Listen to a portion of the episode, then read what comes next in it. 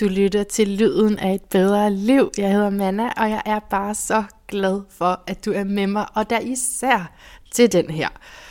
Åh, som du nok har set, så skal vi tale med Pernille Dybro, og vi skal tale om kundalini yoga og forskellige slags kundalini yoga på en måde. Eller vi taler i hvert fald hele, ind i hele det her med yogi bhajan, og hvad det har haft af indvirkning på miljøet, og så rigtig meget også i forhold til Pernilles virksomhed, fordi Ja, nej, men det skal du bare høre. Det er en meget, meget spændende historie. Jeg tror, det er bedst, hvis jeg ikke introducerer det alt, alt for meget.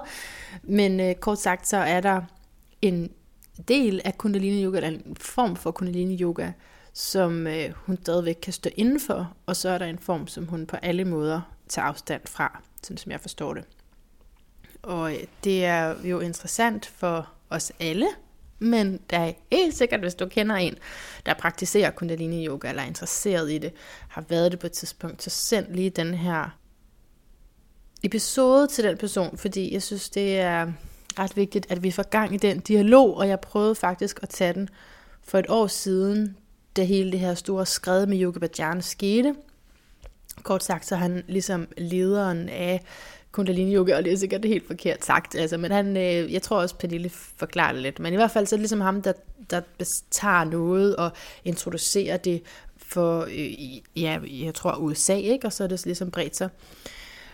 Og øh, han har så, er det så kommet frem i 2020, helt i starten af 2020, at øh, han misbrugt sin position Øh, og som du vil høre, jeg siger, så var jeg selv startet med Kundalini Yoga på det tidspunkt, men jeg havde faktisk ikke hørt om det. Jeg ved ikke, om, om man hørte om det i Danmark før et par måneder senere, eller det kan man vel godt, bogen udkom jo, men øhm, ja, der var lige lidt, tror jeg, betænkningstid, eller sådan. Der gik i hvert fald noget tid, før jeg hørte om det. Nå, men det må du alt sammen høre i den her spændende, spændende. Og hvis, nu er jeg ikke typen, der rangerer mine interviews. Jeg bryder mig ikke om det der med at sige, øh, altså sådan en karakterskala, vel? Der er ingen grund til. Men hvis jeg nu skulle, ikke? Altså, så er vi helt oppe i den høje liga. Vi er helt oppe og sige, at det er, er nok et af de vigtigste interviews ever. Det mener jeg. Virkelig. Fordi, altså, for det første, så har vi nået det her interview, før at øh, nogen er støde. ja, altså det rører mig jo selvfølgelig rigtig meget, at øh, Pernille har en sjælden hjernesygdom, hvis ikke du ved det. Så man kan læse lidt om det på hendes hjemmeside, og du kan høre om det i det her interview. Og det, altså, jeg, man kommer selvfølgelig til at nødt til at forholde sig til døden på en anden måde, end bare den strøtanke, når ja, jeg kan dø når som helst. Den kan jeg godt også tage ind i mit liv, men det er, når du sådan virkelig har så på vidt, hey, bum, der er måske ikke specielt lang tid tilbage at leve i. Øh, og at og så i, i, i Pernilles tilfælde, så er det jo så, at øh, der sker nogle bestemte ting, man ligesom ved herfra, og indtil at øh, din krop ikke kan mere. Det gør jo, at man lige må forholde sig til døden. Jeg sukker, jeg kan godt høre det selv. Øj. Og, og, men det, som jeg også har tænkt over, ikke, det er, at hvem er det i mig, som ikke vil dø? Altså, det er jo ikke min sjæl, fordi sjælen dør ikke. Men så må det jo være egoet. Det er jo egoet, der identificerer sig med alt, hvad jeg er, og hvad jeg tror, jeg skal nå og gøre og udrette. Så det her ego bliver udfordret lidt i forhold til død, ikke? Så det er derfor, at sådan noget som dødsmeditation, og jeg kan huske, vi talte om det sådan for ret lang tid siden, nogle år siden i podcasten her, da vi talte med Christian Let, hvor han nævnte, at han jeg tror, jeg forberedte sig på døden hver dag, noget i den stil, sagde han. Og så derfor så altså, er det ret virksomt, det med at øh, forberede sig på sin død, eller på en eller anden måde gennemgå det i fantasien, inden, ja, inden det sker. Men altså sådan, selvom at det måske ikke er en del af ens normale virkelighed, så er der et eller andet over at, at give slip på identifikationerne på den måde. Og så er det jo så, ja, nu, du skal høre Pernilles historie, for det er jo simpelthen så stærkt, når man så hører en, og ved, at Minda har levet det liv, hun har med så meget kundalini og været altså forkæmper for det, og, og så kommer der adskillige skred, som du vil høre, og et af de skred er altså, at hun får den her sygdom om at forholde sig til døden, og også må, på grund af de andre skred, slippe, altså faktisk dø til de ting, hun var før. Så, men, men uh, tag det ind og lad dig inspirere, og tænk ikke, at det er bare en anden end mig. Nej, det er jo netop egoet, der siger, det er bare en anden end mig. Det, det her er også dig, det her er os. Ikke? Så tag det ind med, hvor du lige kan bruge det i dit liv til inspiration og til, øh, hvad det kan åbne for dig. Jeg er nødt til at sige en ting, men jeg ved godt, jeg har allerede talt lang tid, og jeg er faktisk slet ikke færdig. Sorry, det er en lang intro i dag. Jeg vil sige en ting, og det er, at der er dårlig lyd på den her. I'm so sorry. Det er jo en podcasters værste mareridt, når det sker, at der er et fænomenalt interview, og så er lyden bare besværlig. Det skyldes en lyd, der var i, altså der, hvor vi optog, og jeg kan ikke, jeg kunne ikke få den væk i situationen, og jeg kan heller ikke få den væk på redigeringsprogrammet. Så please bare sidde et eller andet sted, hvor der er måske er lidt baggrundsmusik eller noget, men du skal, altså, du skal høre, du skal skrue helt op for den her. Det er du nødt til. Du må simpelthen love mig at lytte til det her alligevel, selvom at øh, der, der kan være en eller anden øh, rislen under. Måske kan du slet ikke høre det. Det er mit håb. Mit håb er, at du hører så dårligt, at du ikke ved, hvad jeg taler om lige nu. Men i hvert fald, jeg øh, beklager på forhånd, og jeg vil gerne også på et tidspunkt komme til at lave en ene tale, hvor jeg lige vil tale lidt mere om, om det her med at være podcaster, og øh, ja, den her nerve, der er i det. Åh, modtager de nu, eller er det ikke kan, kan de ikke udholde det, jeg har lavet, men det er jo så vigtigt, jeg må have det ud, ikke? det er jo den, jeg sidder med. Det, det kommer, når øh, der er pause i interviewsene, det er, går der lige noget tid før. Men så den sidste ting, jeg vil nå at sige her i introen, jeg håber ikke, du har lagt helt på endnu. Du skal, altså skal du i hvert fald bare skynde dig at spole ind i samtalen, hvis du er utålmodig, fordi den er virkelig god. Det sidste, jeg ville, det var lige at læse noget op fra Pernilles bog. Hun har sendt mig nogle citater, som kunne være gode. Jeg har også skrevet noget i the show notes, hvis du læser dem. Og jeg ved godt, de ser forskellige ud på de forskellige apps. Så på nogle apps, så står det sådan helt tæt skrevet, og der er ikke nogen af linksene, der virker. og på andre apps, så altså, står det mere sådan, som jeg havde skrevet det, hvor at linksene også virker. Så det er sådan, du må prøve det lidt frem. Men jeg tror, at det jeg godt vil læse op, det er hendes afsnit om, hvad kundalini-rejsning er. Fordi for mange af os, som er yoga-interesseret, så øh, er det der, øh, har det været et interessant fænomen. Uh, kundalini-rejsning, og måske endda en dragning hen imod at dyrke kundalini, for så at finde ud af, hvad den der rejsning handler om. Og det lyder også sådan en rejsning. Hmm, ja, for andre måske. Men så, så det vil jeg lige læse, fordi det taler vi i hvert fald mindre om i selve samtalen, men jeg beder han lige fortælle øh, dog, hvad det er. Så der står sådan her i Pernille Dibros bog, Yoga for Indre Styrke. I Kundalini Yoga arbejder vi ud fra den opfattelse, at du gennem vedholdende og kvalificeret træning kan forandre og udvide både din krop og dit sind. Du vil ikke alene mærke, at dine mavemuskler bliver stærkere, dine led bliver smidigere, og dit sind bliver roligere og gladere. Du vil også arbejde dig frem mod en helt ny tilstand, som vi kalder oneness. Det betyder, at dit indre flow af energi forbindes med det uendelige, med en total tilstand af opløsthed og øget bevidsthed. Det er også det, man forstår ved en såkaldt kundalini-rejsning. Det kan være en kraftfuld og skældsættende oplevelse, når ens energi skifter tilstand. Man skal derfor være godt forberedt, inden det sker, og man skal kende sig selv og vide, hvad man vil bruge denne mulighed til. Det er ikke kundalini-rejsningen i sig selv, som er det fantastiske. Det afgørende er, hvad man efterfølgende stiller op med energien – Kundalini Yoga sigter ikke målrettet mod at fremkalde en kundalini-rejsning. Det er en gradvis proces, hvor man skal være forsigtig og arbejde sig tålmodigt hen imod en naturlig vækkelse af kroppens energicentre. Et menneske, der gennemgår en kundalini-rejsning, vil opleve en voldsomt øget bevidsthed, og at sanserne bliver mere fintfølende. Du kan ikke alene høre fuglen, der sidder i træet uden for vinduet og piver. Du er fuglen. Det synes jeg er så fint. Du er fuglen. Men nu er du, hvis du er blevet til alt det her, simpelthen totalt rustet til at gå ind i mødet, ind i samtalen her, og møde en gorgeous, vidunderlig, kosmisk vandbærer, Pernille Dybro. Velkommen indenfor. Jeg har været meget øh, ops på mit energifelt fra starten, og bedt alle om at holde deres gode råd til dem selv. Ja. Men det gør det ikke. For de er blevet kaldet, jeg er blevet varlig til at skrive til dig. Mm. Altså, at de tror, at de tillader sig, siger mennesket. Hvordan kan du tillade dig mm. som menneske, mm.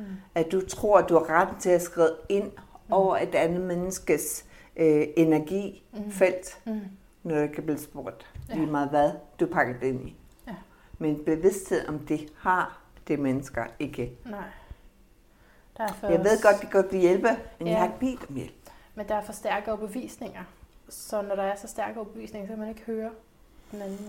Nej, for du ved jo godt, at dit tram har noget at gøre med, at øh, din fader og hjernen og sådan noget. Åh, oh, Ikke? noget metasundhed med, hvordan det hænger sammen. Præcis.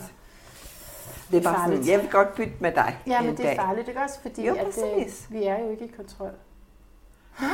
Og det er jo det, vi tror, Ja. ja. at det er.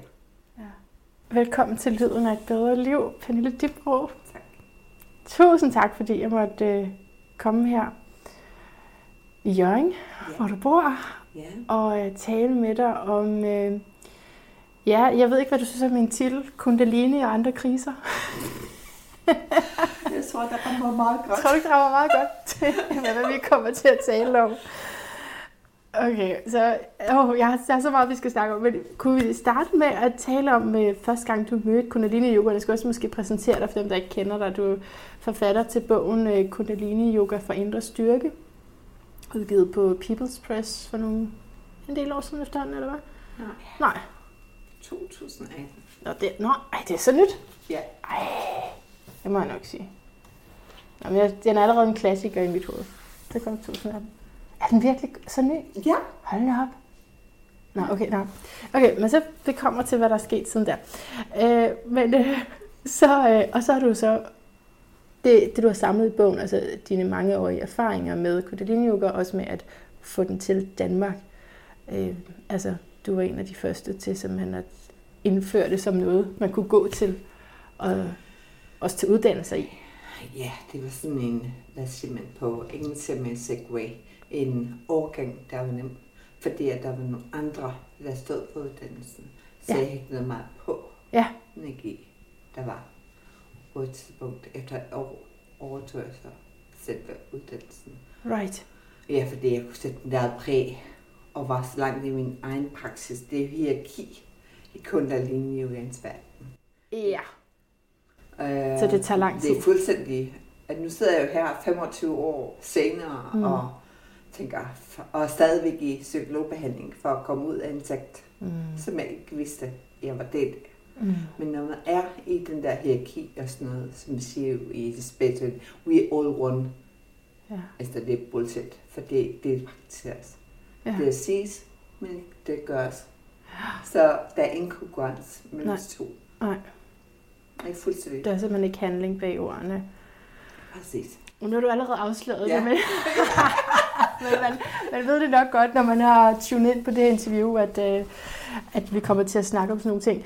Men altså, så dengang du mødte Kundalini Yogaen selv første gang, Der var jeg i boede jeg i London og festede og levede bare ja, for vildt. Det var så godt. og, Og øh, jeg ansatte en, øh, en medarbejder, som gik til yoga et sted i London. mm-hmm. Og hun tog mig med til, en, til et hus. Og jeg tænkte, jamen, det kunne jeg da godt prøve, der yoga. Mhm. Mm. Hvis vi kunne tage på pop bagefter. Og selvfølgelig. okay. Altså, man skal have ordentlige ting. jo, jo. Det kunne vi Så godt. du var frisk, så længe ja. Kunne tage på bar bagefter. Ja. Yes.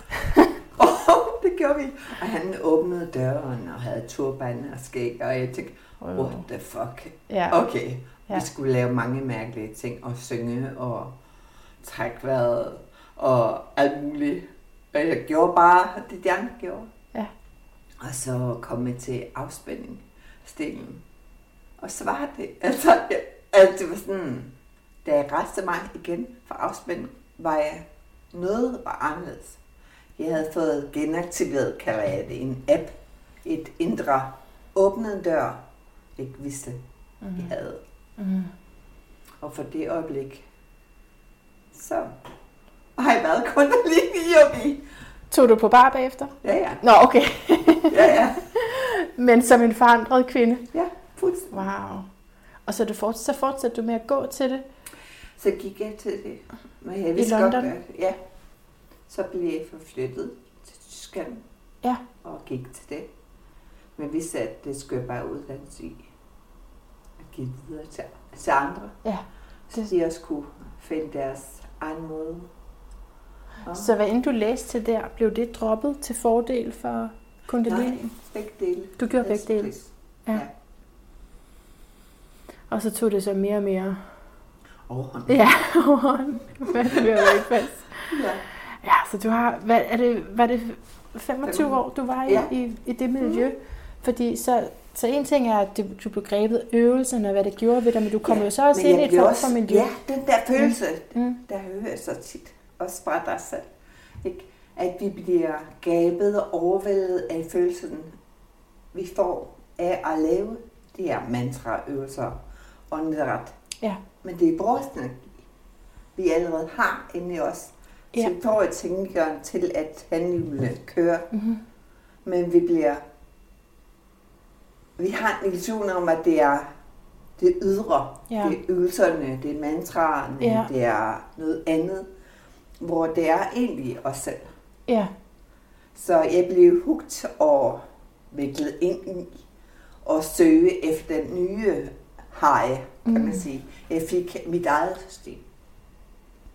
jeg forstår det virkelig Mm. godt. Altså, jeg forstår jo ikke i 25 år, så, men, men altså, første gang vi talte sammen, Mm. ikke? det var jo er faktisk jo kun et år. Det er fordi, der sker så meget i de her år, ikke? så det er faktisk kun øh, lidt over et år siden. Det var i øh, januar 2020, af alle tidspunkter, at jeg begyndte, øh, seriøst, det var måske i slutningen af 19, men, men der i januar 2020 talte vi sammen, og, øh, fordi jeg, jeg virkelig havde nogle påtrængende spørgsmål, synes jeg, i forhold til min kundalini, altså, som jeg lige var begyndt på, men jeg begyndte all in. Mm. altså, det var altså nogle, der er også nogen, der rejser rundt med. Der er jo mange forskellige online, man kan følge, ikke? Men jeg meldte mig ind i sådan noget, og gik all in. Og øh, jeg kan huske, vi snakkede om, ja, hvad hedder det på kundalini-sprog? Det er jo ikke bådens stilling, men det er den der, altså man, man skal ligge, Nå, stress pose. ja, stretch pose, altså, der, ikke? Og, og helt vildt mange gange, og jeg var bare sådan, ej, jeg kan kun gøre det tre gange, og de siger 100, hvad skal jeg? Og der var du jo meget sød til at sige, øh, ah, men du behøver, det er flot, du kan tre, og sådan noget, ikke? Men jeg var allerede inde i den der sådan stræberånd med det. Mm. Øh, og så vil jeg sige, så, altså det var en kort fornøjelse for mig, at jeg stoppede, da, da der kom nedlukning og sådan noget, for så kunne jeg, jeg kunne slet ikke finde ud af mine rutiner, vel? Men jeg havde lige et par måneder, jeg havde lige et par måneder, hvor jeg var sådan helt øh, radikaliseret kundalini yoga. Og det, altså, det griber ind, fordi man, øh, Ja. man får de der highs, som du siger. Der er et eller andet, men det er jo åndedrættet. Hvad er det, der gør det? Man bliver high af kundalini? Er det, er det ikke åndedrætsøvelserne, eller hvad? Også det. Også det. Ja. Nu, øh, jeg havde jo tænkt før jeg blev syg, jeg ville lave min egen uddannelse. Uddanne folk i at vide, hvordan de kan høste og deres egen energi. Okay. For jeg vil bare sige, at det var en hemmelighed. Man skulle ikke lade, man måtte ikke lade om på øvelserne og Ja. tids, tiden og så videre og så videre. Ja, Og det er det er jo en heldigt. del af manipulationsdelen. Ja, At holde folk, bibeholde folk i en tro på, at hvis du gør noget andet, så er det meget farligt. mm. Men det er det ikke. Det er energi. ja. Og i det, du løfter benene i stretch pose fra gulvet, øger du pres på din mave, og i det, du tilføjer åndedrættet, øger du den energi i maveregionen. ja. Og det flyder så, kan flyde videre i systemet og aktivere de andre centre. Mm. Så det er ikke videnskab. Det er bare... Vi alle har jo kundalini eller kundalini i os. Ja, altså, vi har ikke adgang til den, hvis ikke vi laver de øh, Troede jeg. Ja. Troede du? Men det er måden mig på, at blive undervist. At blive formidlet det. Man skal gøre sådan 108 Ja. gange. Ja. Det er løgn. Altså møde jo ikke mennesket. Der hvor det er. Om du gør det tre gange. Det er at være med den ro. Det gør hvad? Det gør jeg tre gange. Det her. Og det er fint. I stedet for at stræbe efter noget, at der andre kan. Og sådan vil vi aldrig kunne tilgå mentalt øh, den energi, som Kundalini giver os, gaver os, vi er, hvis vi tror, at vi hele tiden skal stræbe efter noget. Ah, Det er så vigtigt, det du siger der. Fordi, som sagt, selvom det bare var en lille smagsprøve på det her, men så er det jo også i alle mulige andre af livets områder, at vi kan komme til, Præcis. og for min egen del selvfølgelig være for autoritetstro. Og, og når han siger, eller de siger, det er sådan der, og der er sådan en enorm højtidlighed i Kundalini Yoga, så, så vil jeg have en, i mit hoved vil have en tendens til at, at få dårlig samvittighed, hvis jeg ikke lige lavede de sidste to. Eller, Vi har hørt det mange gange. og helst lave, jeg skal helst lave flere, faktisk. Sådan at jeg har oprettet i mit hoved. Det skal helst være mere, Mm. end det underviseren siger. Så har jeg det endnu bedre. Ej, Det er skørt. ja, det er skørt. Men jeg har jo selv været del af det. Og Ja. kan nu sidde på den anden side og opleve et, kan man sige, jeg føler, at jeg har svigtet mine lever, men, og jeg er, svigtet, er blevet svigtet. Mm. Men jeg vidste ikke bedre selv, Nej, nej, nej, nej. og omvendt. Mm. Ikke? Så der er så stor tilgivelsesproces, man skal, eller jeg oplever, og jeg har været igennem det sidste års tid, i forhold til at, at møde sig selv. Ja. Altså, der er jo ikke nogen muskel, der vil strække sig, eller noget sker, hvis nu, at vi prøver at lave 108, når vi kan lave 3. Nej. Altså, det er overgreb på dig selv Ja, og din egen energi. Og vælge det for vores børn. Eller Nej. nogen anden. Nej. Nej, fordi vi behandler os selv virkelig. Altså, pff, du er dum, det skal være sådan hårdt, og kun Ja. ja. det bliver hårdere af high succes. ja. Det er helt skørt. Det bygger på, at den tro, at det skal være hårdt, så er det godt. Så det er over i gøren, det er over i maskulinitet, det er ja, som der... man bliver forblindet af følelsen. Ja. Fordi du har de to modpoler, hvor vi taler om balancen. Aha. Ikke? Hvor at kundalini yoga er, fordi det bare den kun er yang. Ja, Så vi mangler yin. ja. Jeg har selv blevet meditationer, hvor man tænker, jeg tager din meditation, ja, så skal det være med armene ud, strakt ud frem foran dig i fem minutter. Det er mega hårdt. Der er rigtig meget yang. Men okay, så, så du møder det her, er i det i, i mange år, har din egen proces med det også. Altså i den Mm. tid, hvor du øh, underviser i Kundalini Yoga, gør du alligevel, sætter dit præg på også det, du uddanner folk i. Øh, Er det rigtigt? Ja, altså med tiden blev jeg også øh, blødere, tror jeg. Ja. Og kunne gennemskue egentlig. Men du behøver ikke at presse dig selv Mm. så meget. Som han gør, eller der Mm. inviteres til. Ja. Det er vigtigt, at vi mærker os selv i det her. At vi ikke higer at være nogen anden. Ja. Og det er jo, som du siger, meget højtidligt med den der turban og ophøjet niveau og hvidtøj. Og Ja. jeg ved hvad, jeg har selv købt ind i, jeg skrev om det i min bog, Ja. og har virkelig troet det. Men det er lige meget egentlig af min erfaring, og med underviser i rødt, gult eller blåt tøj. Ja. Ja, Ja. det er, hvad jeg føler, hvordan jeg kan rumme energien, hvordan mm. jeg holder space, Mm. hvordan min indre energi er. Så længe jeg er over i dig, og hvad du synes, er jo ikke, Mm. får du ikke det, du har betalt for af Mm. mig. Mm. Så kan jeg ikke holde space, så er jeg involveret i en, hvad, hvad betyder det, og så videre, og så videre. Ja. Ikke? Jo. Og space holding er jo for mig neutralt. Ja, jeg kan genkende, hvad du siger, fordi jeg selv har undervist i Ja. yoga, ikke også? Så der kan man, det er meget nærliggende at komme Præcis. til at tænke, at, at, altså fordi man vil gerne have en følelse af, at de er med mig, men det kan også blive for meget, øh, at man Ja. går ind i den. Ja. Så du siger, at det, og hele det at kunne holde et space neutralt er meget vigtigere inden. Det, Tøjet. det er ja, Alt det ydre. det vigtigste. Ja. Men hvordan lærer du folk det? Ja. Min erfaring min oplevelse gennem de mange år, jeg har undervist, er, at det kan du ikke. Nej, okay. selvom kundalini yoga efter yoga partner hedder bevidsthedens yogaform, Ja. åbner det bevidsthed.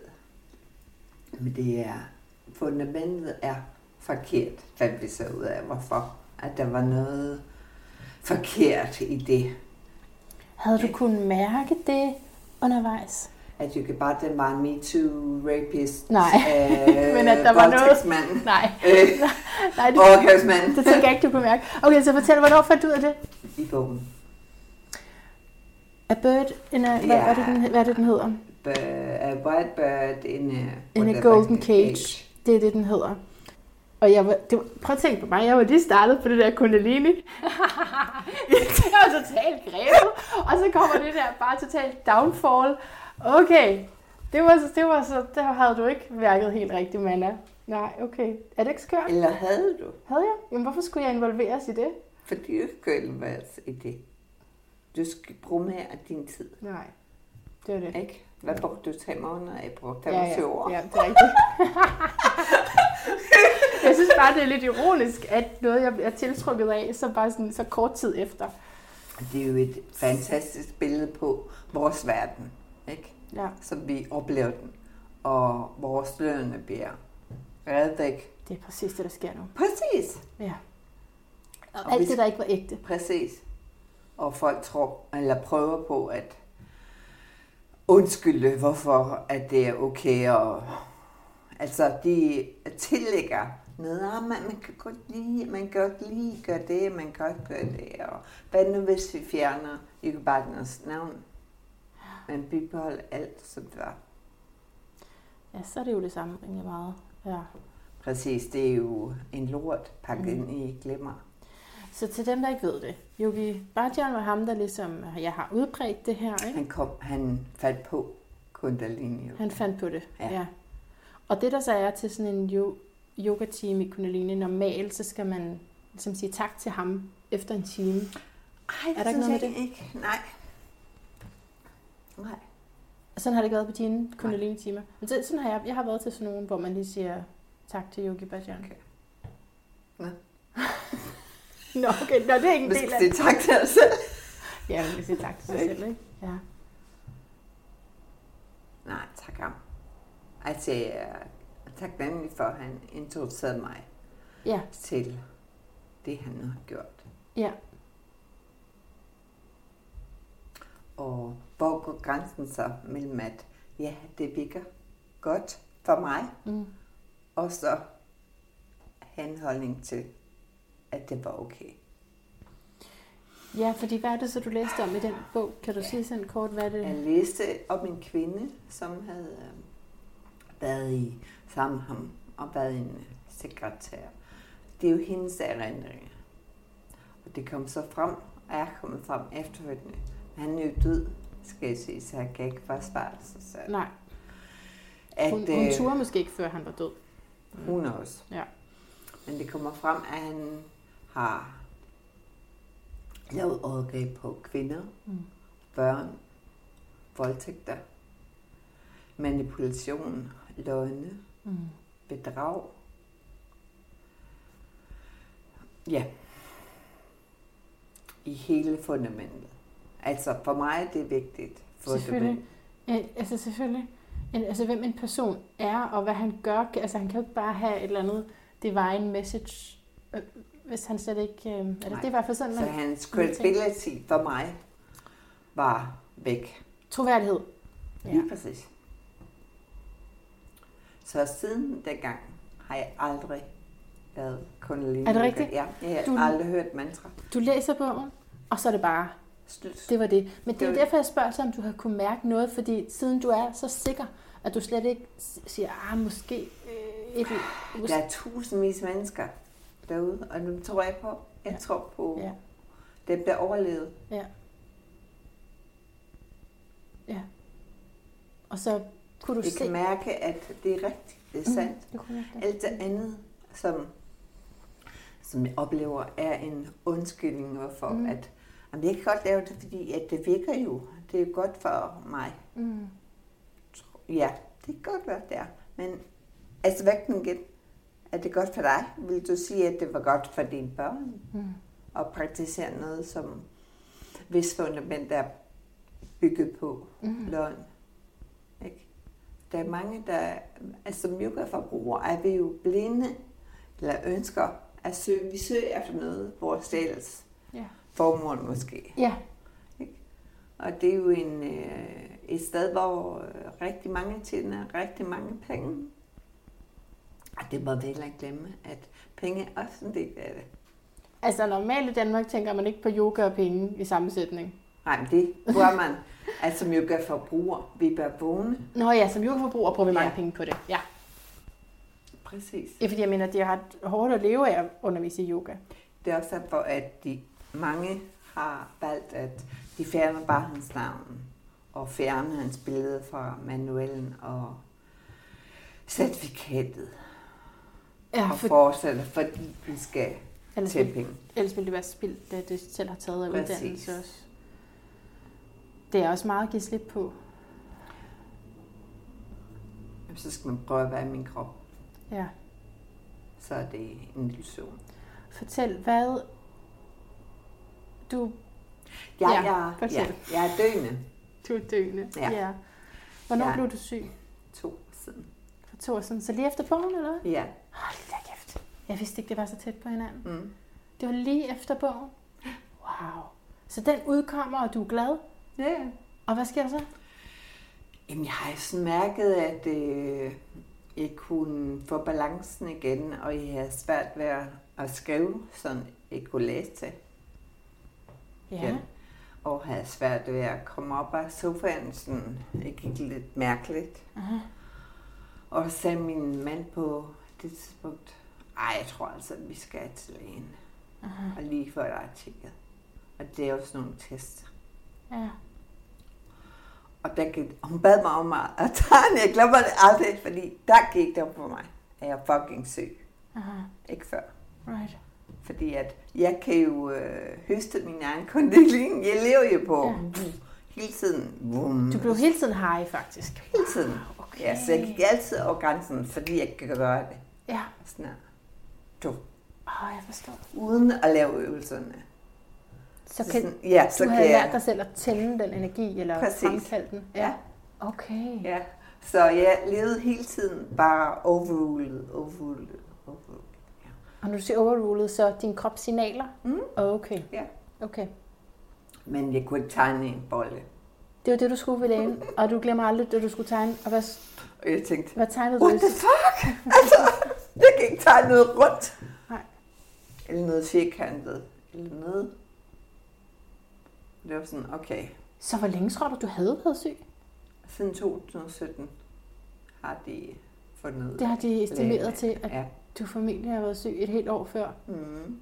hvor du bare har levet på det der. Og det bliver mere og mere at skruet op for mm. energi. Min egen og drev rovdrift på en anden energi, fordi at det kunne kompensere for, For hvad der ellers var. ja, for Ja. at lytte til kroppen. ja. Ja, og så blev jeg jo på Aalborg Universitetshospital. Med Du blev hasteindlagt, Ja, eller okay. fordi at det er samme symptomer som en svulst i hjernen. Okay. Ja, inden for to dage. Altså, jeg stod i mit køkken. Du har ikke hjernekræft, siger hun så. Bare vagten, hed hun. Mm, Og jeg vidste, at der kom en mand. Men du har en øh, sjælden progressiv sygdom, som er uhelbredelig. Og så lavede hun ellers på. Så kunne jeg ellers vente der med mig selv og google. Er det rigtigt? Mm. Lagde hun på efter så kort tid? Jamen, Altså, bare, som bagvagt okay. kan man jo ikke øh, Nej, hun... sige, gå ind i en enkelt sag. Nej, okay. Det var bare sådan her. Mm. Og i starten var det jo blot, gik jeg med stok. Var det jo kun min sådan balance, Aha. det gik lidt. Aha. Men den her hjernesygdom er jo en sygdom i centralnervesystemet. Lille hjernen svinder, og lille hjernen styrer alle vores funktioner, så der er intet kognitivt. Det vil sige evnen til at gå og tale og synke og trække vejret og skrive og på sektisse og så videre. Det lukker ned. alle de automatiske ting, kroppen gør. Så du bliver fanget i din egen krop, ligesom ellers. Bare på speed. Så er du på speed? Mm-hmm. Okay. Fordi det går hurtigt Fordi det går hurtigere. Ja, ja. hos mig. Så er der, altså, så du har ignoreret kroppens signaler, hvilket jo ikke Ja. er særlig øh, Nej. unormalt. Det der er vi rigtig mange, der gør, ikke også? Øh, men, og nu er de der faktisk ikke. Er det sådan?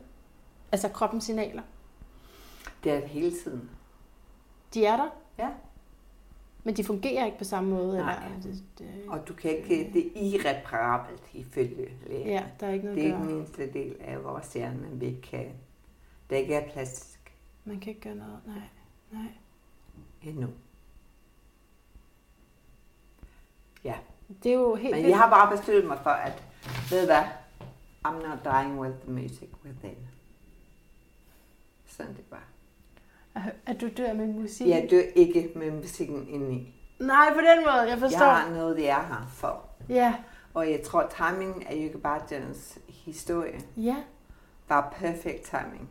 ja, Fordi ellers ville jeg have fortsat ja. med alt det der hallo. Så du havde lige, du, det var i, det var i 18, du fik den her sygdom, var det det, du sagde? Du er 19. Det var 19, okay. Nå, så det var i to år, du har gået uden at blive Mm. opdaget. Ja. Nå, okay. Ja. Okay. Som, og ja, så det vil sige, det er ret kort efter, at hele det her fald med den store leder, hele det her system, som du har stået for og været dybt involveret i. Altså, hvor man Falder. tænker, hvad... Øh, altså, at Hvad nu kan... Ja, præcis. For man forestiller sig jo ikke i sin vildeste fantasi et, at man skal blive syg Nej, selv. nej, Ikke når man har et godt liv. Ellers, ja, altså, at leve godt. Og at nogen kunne opføre sig sådan, som der bliver vurderet. ja, som der er blevet beskrevet og ja. fortalt. Nej, fordi så, ja, netop det med, at, fordi jeg sagde jo, jeg havde jo en, jeg var så glad for, at jeg måtte ringe til dig Mm. der for lidt over et år siden og stille dig en mulig spørgsmål. Og jeg havde jo også håbet, at jeg ville simpelthen møde, så det gør vi nu. Jeg er så glad for det her øjeblik. Men øhm, der spurgte jeg dig jo også til det her, som jeg ved, at der er andre, der også har spurgt og har tænkt. Du har levet som totalt rigtig yogi. S- Spist godt, gjort godt, været godt, udbredt den her viden. Og så bliver du syg. Det hænger ikke sammen. Men Det gør vi jo lige præcis. Fortæl mig, hvordan. Men det interessante er jo spørgsmålet. Ja, Det for, er ordene i spørgsmålet, der er interessant. mm, Fordi, hvad er det, vi antager? ja. Hvad er det, vi antager og vil gerne tro, eller have selv tro? At vi er superuren. Og jeg er jo så en manifestation at du også er sårbar. Når der kan ske for Pernille. Mm. Hvad mig? Og jeg håber jo, at øh, jeg kan inspirere folk til at virkelig, det er lige meget om du sidder med hænderne op i luften og tager en lille who knows what i tre minutter, eller tænker, nej, det gider jeg sgu ikke. Ved hvad? Så pyt. Det er faktisk lige meget. Ja, det er faktisk lige meget, egentlig. Når du ved, at du ikke har tid. Ja. Som vi tror jo er en illusion, vi tror, vi har tid. Jeg tror bare, vi har hele. Ja. Og det kommer ikke med nogen øh, garanti, at selvom man lever godt, så skal man ikke blive syg. Nej. Så det er vores antagelse Jamen, det er det. af, jeg synes jo spørgsmålet i sig Jamen, det har du ret i. interessant. Det har du ret i, fordi der er den ene del, som er sådan, man kunne forestille sig var lidt objektiv at sige, men altså, burde det ikke føre til øh, en øh, frisk alderdom at have levet sådan der sundt. Det er den ene nysgerrige del af Ja, det. præcis. Og den anden del er præcis som du siger, åh oh, nej, hvad med mig? Ja. Kan, det, kan det ske for mig så også, Mm. når det kan for dig? For jeg var jo frisk. Ja. Men jeg tror, det tror jeg helt sikkert på. Jeg har aldrig nogensinde spurgt, hvorfor mig. Det eneste, jeg spurgt, øh, har spurgt det er, for, hvorfor skulle det ikke være mig, hvis der er nogen i hele Danmark, der kan være døende, Ja. mens jeg levende, at mig. fordi jeg kan det, jeg kan. Ja. Fordi du, altså mener du, du er rustet til det? Ja, For på det, okay, Det gør på den måde. simpelthen. Det, ja. Det, det kan jeg se, ja. ikke i Danmark, fordi vi er så få, der har den her lidelse, Okay. men i verden, ja. som jeg har den anden i, de bøvler med alt muligt mentalt. Aha. For det er jo en identitetskrise. Ja. Jeg fik jo både, både øh, krisen om sygdom, Ja. som Ja. helt vendt om, og yogabhajan. Hvad med jeg, når jeg ikke er yogalærer? Og hvad med jeg, når jeg ikke er gift? Ja, fordi så var det i Mhm. sommers, eller her Ja. i efteråret, agtigt, Ja. gik du så fra din mand, som du havde været sammen med i mange år. Ja. Det er jo helt vildt. En eksplosion i dit liv. Men det, Men til det bedre. Jamen, også fordi, at uh, i kundalini yogaen er vi jo blevet opdraget til, at der findes et yogasæt for det, den du, den datten. Ja. Så vi har hele tiden, vi er hele tiden løsningsorienteret. Ja. Vi skulle aldrig mærke vores følelser. Mm-hmm. Ej, vi skal bare lære den her meditation. Ja. Så går det godt. Ja.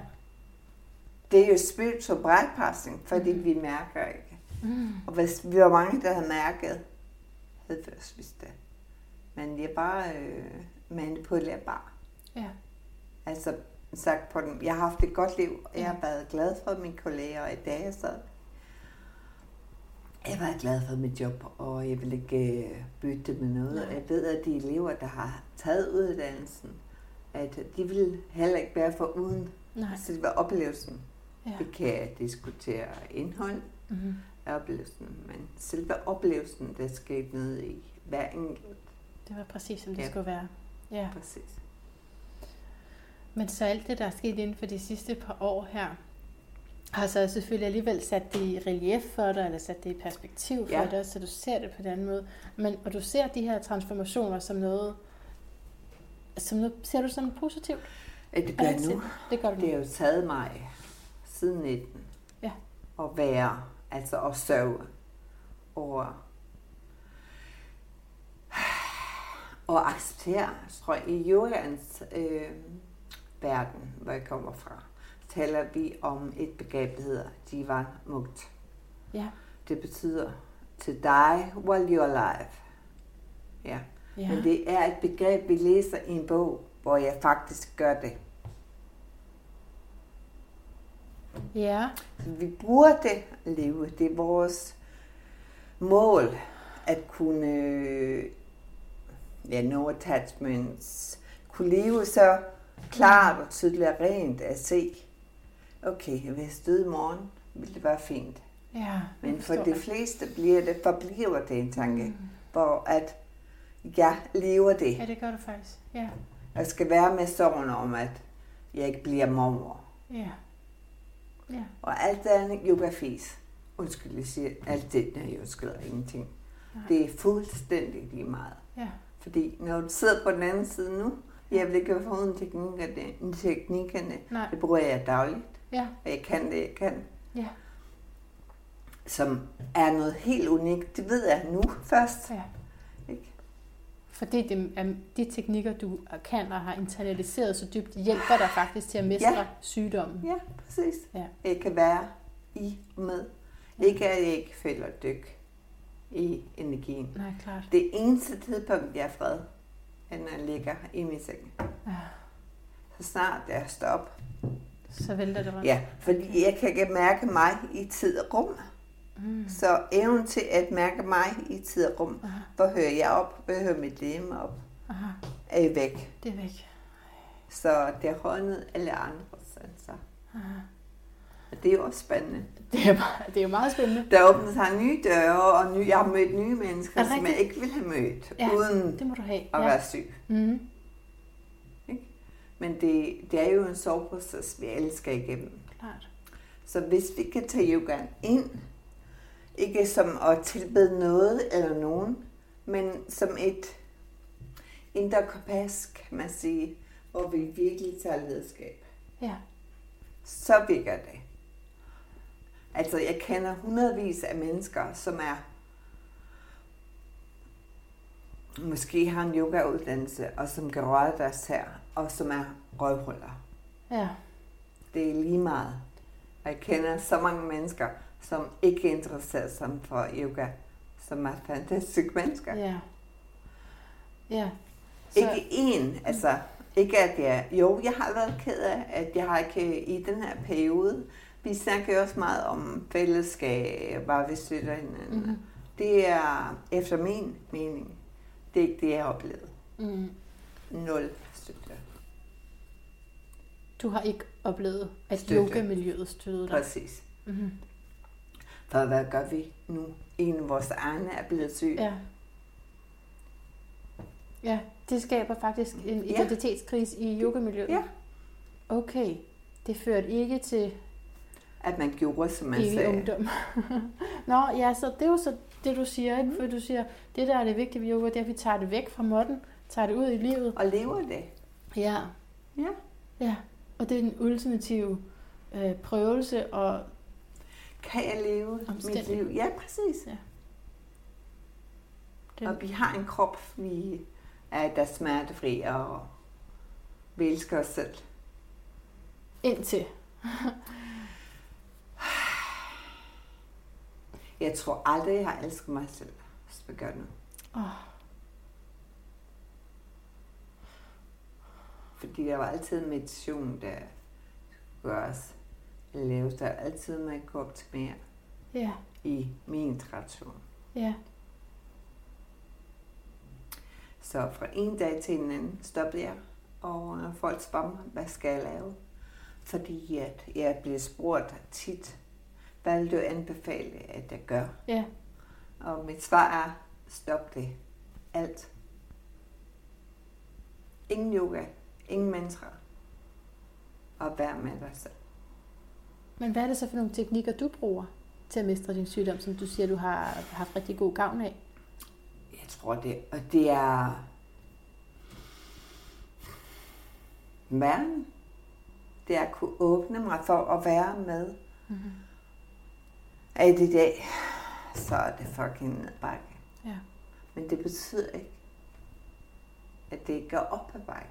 Nej. Man kan være med følelserne. Jeg har jo åndedrættet, jeg bruger, og så er jeg mega fan af Joe Dispenza. Han praktiserer hver dag. Er det, du tager ham hver dag? Mm. Okay, ja, fordi det er her på mit spørgsmålsark. Ja, det. Med, øh, fordi at, at sådan en som Joe Dispenza, han har jo, jeg ved ikke om han har sagt det, men man, man kan jo i hvert fald se, at det er, men det er jo stærkt kundalini-inspireret. Det fanger jeg egentlig ikke okay. i hans øh, måde at tilgå på, øh, mennesket på. Nej. Men, Men hans, hans måde er, at du skal omprogrammere det måde at tænke på. Ja. Som om det allerede er sket. Ja, det er rigtigt. Og der, for mig, mærker jeg jo, at jeg troede egentlig ikke på, at det ville ske i lang tid. Egentlig var jo, altså, to. Altså, jeg var syg, og var i det, ja. og skulle være, og kan slippe på min rolle som ja. ditten, nutten og datten. Ja. Hvad troede du ikke på ville ske? Håbet, ja. faktisk. At du kunne blive glad igen? Ja. Eller, ja. Og tro ja. på, at, at øh, jeg bliver helet. Ja. Og det tror jeg på først nu. Ja. Og hvad betyder det så? Ja, hvad betyder det? Ja, at du tror det er på... interessant. Fordi det er jo en indre rejse, mm. og det betyder noget forskelligt for alle mennesker. Nogen vil blive hele fra deres rygsmerter. Ja. En, jeg har jo en mentor, og har altid, også min sygdom, haft en mentor, som jeg kan noget med, gør med livet at gøre. Hun spurgte mig, hvis du skulle fik en chance for at reinkarnere. Ja vil du så reinkarnere til dit eget liv. Den eneste mulighed, når du ved, hvad der kommer til at ske. Ja. Hvad sagde du der? Nej. Jeg sagde nej. Og det, var, det sagde jeg mm. i det tid. Mm-hmm. Og det vil sige, at det giver, der gav jeg slip på at være mor. Ja. Ikke? Du gav slip på alle de glæder, der også har været Præcis, og er. fordi at det ikke var sat til at se. Mm. Ja. Så der er sket noget af et mindshift i dig, mm. fra at have... Ja, ligesom det her med slør, altså hvorfor det er bare væk fra alt Ja. og alle. Ikke? Vi bruger så meget energi på at skrive og tale, og hvem er ret, og hvem er ikke ret, og er det godt, der er vaccinen ikke god. Mm. It doesn't matter. Mm. Altså kom nu Mm. ind i dit liv. Hvad er vigtigt for dit liv nu, Ja. for pokker? Ja. Det er ikke bare en sang, Nej. at det er god. Nej. Du skal dø. Du Ja. kommer til at dø. Ja. Selvfølgelig kan man have holdning til ting. Og det synes jeg, der er fint, at man har Mm. en stærk holdning. Men det er ikke det, Mm. der har betydning. Når du bliver tvunget til at slippe af alt. Mm. Som du stærk. Som du er blevet på sådan en måde, hvor vi andre kan tabe ind i det og blive inspireret af det. Ja. Og øh, bruge det, når vi selv står. Præcis. Og det vigtigste er at holde op med det hele, synes jeg. Ja, altså i forhold til yoga, Yoga og, og de mantra. og mantraerne, og måske det hele taget holde op med det, man... Ja, hold op med, at er noget, Præstere. der... Ja, præcis. Mm. Kun i hviletilstand kan nervesystemet regenerere. Når jeg sagde det med Joe Dispenza, var inspireret af Kundalini, det er, altså, det er bare min påstand, men jeg synes bare, jeg har hørt det i forbindelse med netop, at han har nogle åndedrætsøvelser i meditationerne. Den bruger jeg ikke. øh, Hans Den bruger du slet ikke? Nej, Okay, jeg bruger ham taler. Han taler en time, ja, så hver morgen. Og der krydder du jo, jeg krydder min evne til at, at bibeholde håbet Ja. og se, hvordan han vil se mig Ja. i fremtiden. ja, Og det kan være så nemt i vores dagligdag ikke at holde fokus på, hvad var det egentlig, jeg ville? aha, Fordi, åh, så det det og det. ja, ja. Ja, så det der med at, at se den positive Ja. vision i fremtiden, og så at det faktisk regenererer nogle Ja. celler. Det, det skaber noget på et Det fysisk virker i hvert fald for mig. Ja. Men så når du siger, at du tror på healing, men du siger også, at du er døende. Men hvad betyder det? Betyder det, at jeg ikke skal være døende? Skal jeg heales øh, rask? Er det healing betyder? Eller kan du bare være så frisk som overhovedet muligt, indtil du skal dø? Eller at Jeg synes, livet? det er et spændende spørgsmål, som jeg stiller Ja. mig selv, fordi Ja. at det er kun inden for de sidste halvanden måned, faktisk. Ja. Jeg åbnede mig for healingsdelen. Right. Så er der en proces Fordi med du det. kan ikke hele noget, hvis, altså når du er død. Nej, du Altså, synes, det ikke, du har stået fred mm. med de ting, du skal. Så hvad er healing for mig? Mm. Jeg har været af, nej, nemt, så skal jeg være helt rask som før. Men jeg vil ikke være som før. Nej. Nej, du er ikke den samme som Nej, hvis før. nu, Der er nej. så meget. hvis nu jeg kunne øh, time travel tilbage, Ja, det ville da ikke. nej. Fordi du er ikke den. Nej, Nej. Så healing er nødt til at se ud på en ny måde. jeg bliver nødt til at være åben for, hvad ja. det er Ja, for mig. hvad er healing for dig i den her situation? Der er ikke nogen, der kan komme og Mm. hele mig, eller gøre noget ved mig, Nej. med mindre jeg selv Mm. vil det. Mm. Altså, helt, det tror jeg altså på. Det kan godt være, at øh, der er nogen, der kan få smerter til at gå væk. Men mig som Pernille, Ja. der er ikke nogen, der kan komme og tage det væk. Nej. Man skal selv åbne sig for det. Ja. Og det hænger Og det tror jeg jo, at nogen kan, Ja. når jeg åbner for det. Ja. Og fordi det hænger vel sammen med det, du sagde før med, at kundalini er inde i os selv. Har du lyst til bare lige, altså, at give Ja. nogle ord om, hvad er, Ja. hvad er kundalini Det er ligesom, det kan vi jo, øh, ligesom et påskeæg. Ja. Øh, ja. Ifølge de yogiske skrifter har alle mennesker, fødes alle mennesker med et reservoir, et uendeligt reservoir af energi, som vi gradvist får tilgang til. Altså, når vi er børn, har vi ikke brug for så meget til måske. Øhm, og øh, den energi ligger dvalende ifølge skriftene i det andet chakra Mm. omkring deromkring. Mm. Og du kan via kundalini yogaen ved at gå en tur, være, lave nydesfulde ting, være tro på, at du får det, få adgang til mere livsglæde, mere udstråling Mm. efterhånden, som Ja. du lever livet og er ærlig i forhold til din tilrejse. Så den er der hele tiden, men du ja. Får mere og mere adgang efterhånden, Fordi vi vil dig. kontrollere, fordi vi er så komplekse, og fordi vi er sind. Ikke?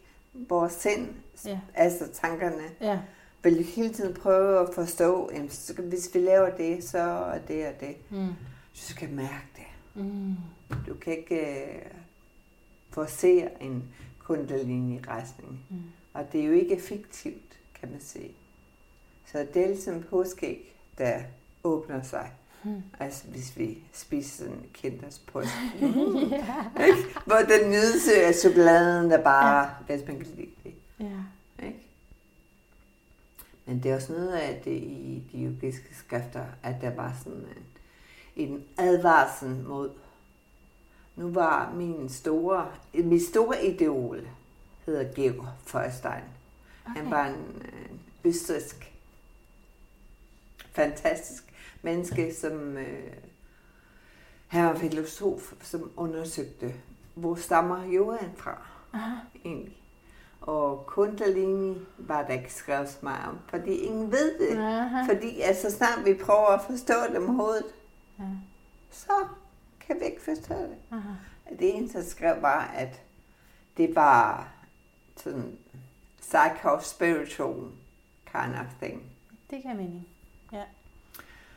Hvor man altid skulle have en lærer, fordi mm. at den energi var kraftfuld. Mm. Så der er mange Ja. advarsler, når du læser om det. Nogle steder. Ja.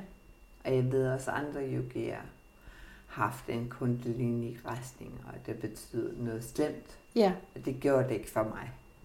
det betyder noget rigtig godt. Ja. Mm. Men det er fordi, jeg havde skabt det indre miljø, hvor jeg kunne mm. Håndtere det virkelig spontant. Og han siger også, at øh, dem, der har oplevet kundalini-retninger, vil faktisk ikke opleve det. Det er bare en lille bitte sådan nyk, Mm. skruen op for den livsenergi eller noget. Mm. Det var hans bedste måde at beskrive det på. Blev mere bevidst. Man blev mere bevidst og vågen. Kunne det være noget, altså kunne jeg have haft en lille smule kontakt til det, tror du, da jeg dyrkede kun- Kundalini? Altså, hvad det for, er det det samme som de der highs der? Nej, Nej, Jamen, så har jeg ikke. så har jeg nok jeg ikke. tror, du har. Hvad siger du? Jeg tror, du har. Tror du det? Ja. Det er ikke sikkert, at det har været igennem Kundalini i USA. Nej, Nej. overhovedet ikke. Mm. Og det er jo... Det er både en imitation, man kalder det, for det mystiske kundalini yoga. Mm. Mystisk. Du kunne lige så godt øh, vil praktisere dig selv som menneske ved at træffe nogle valg om ikke at være på somi, fordi Mm. mm. det forstyrrer. Mm.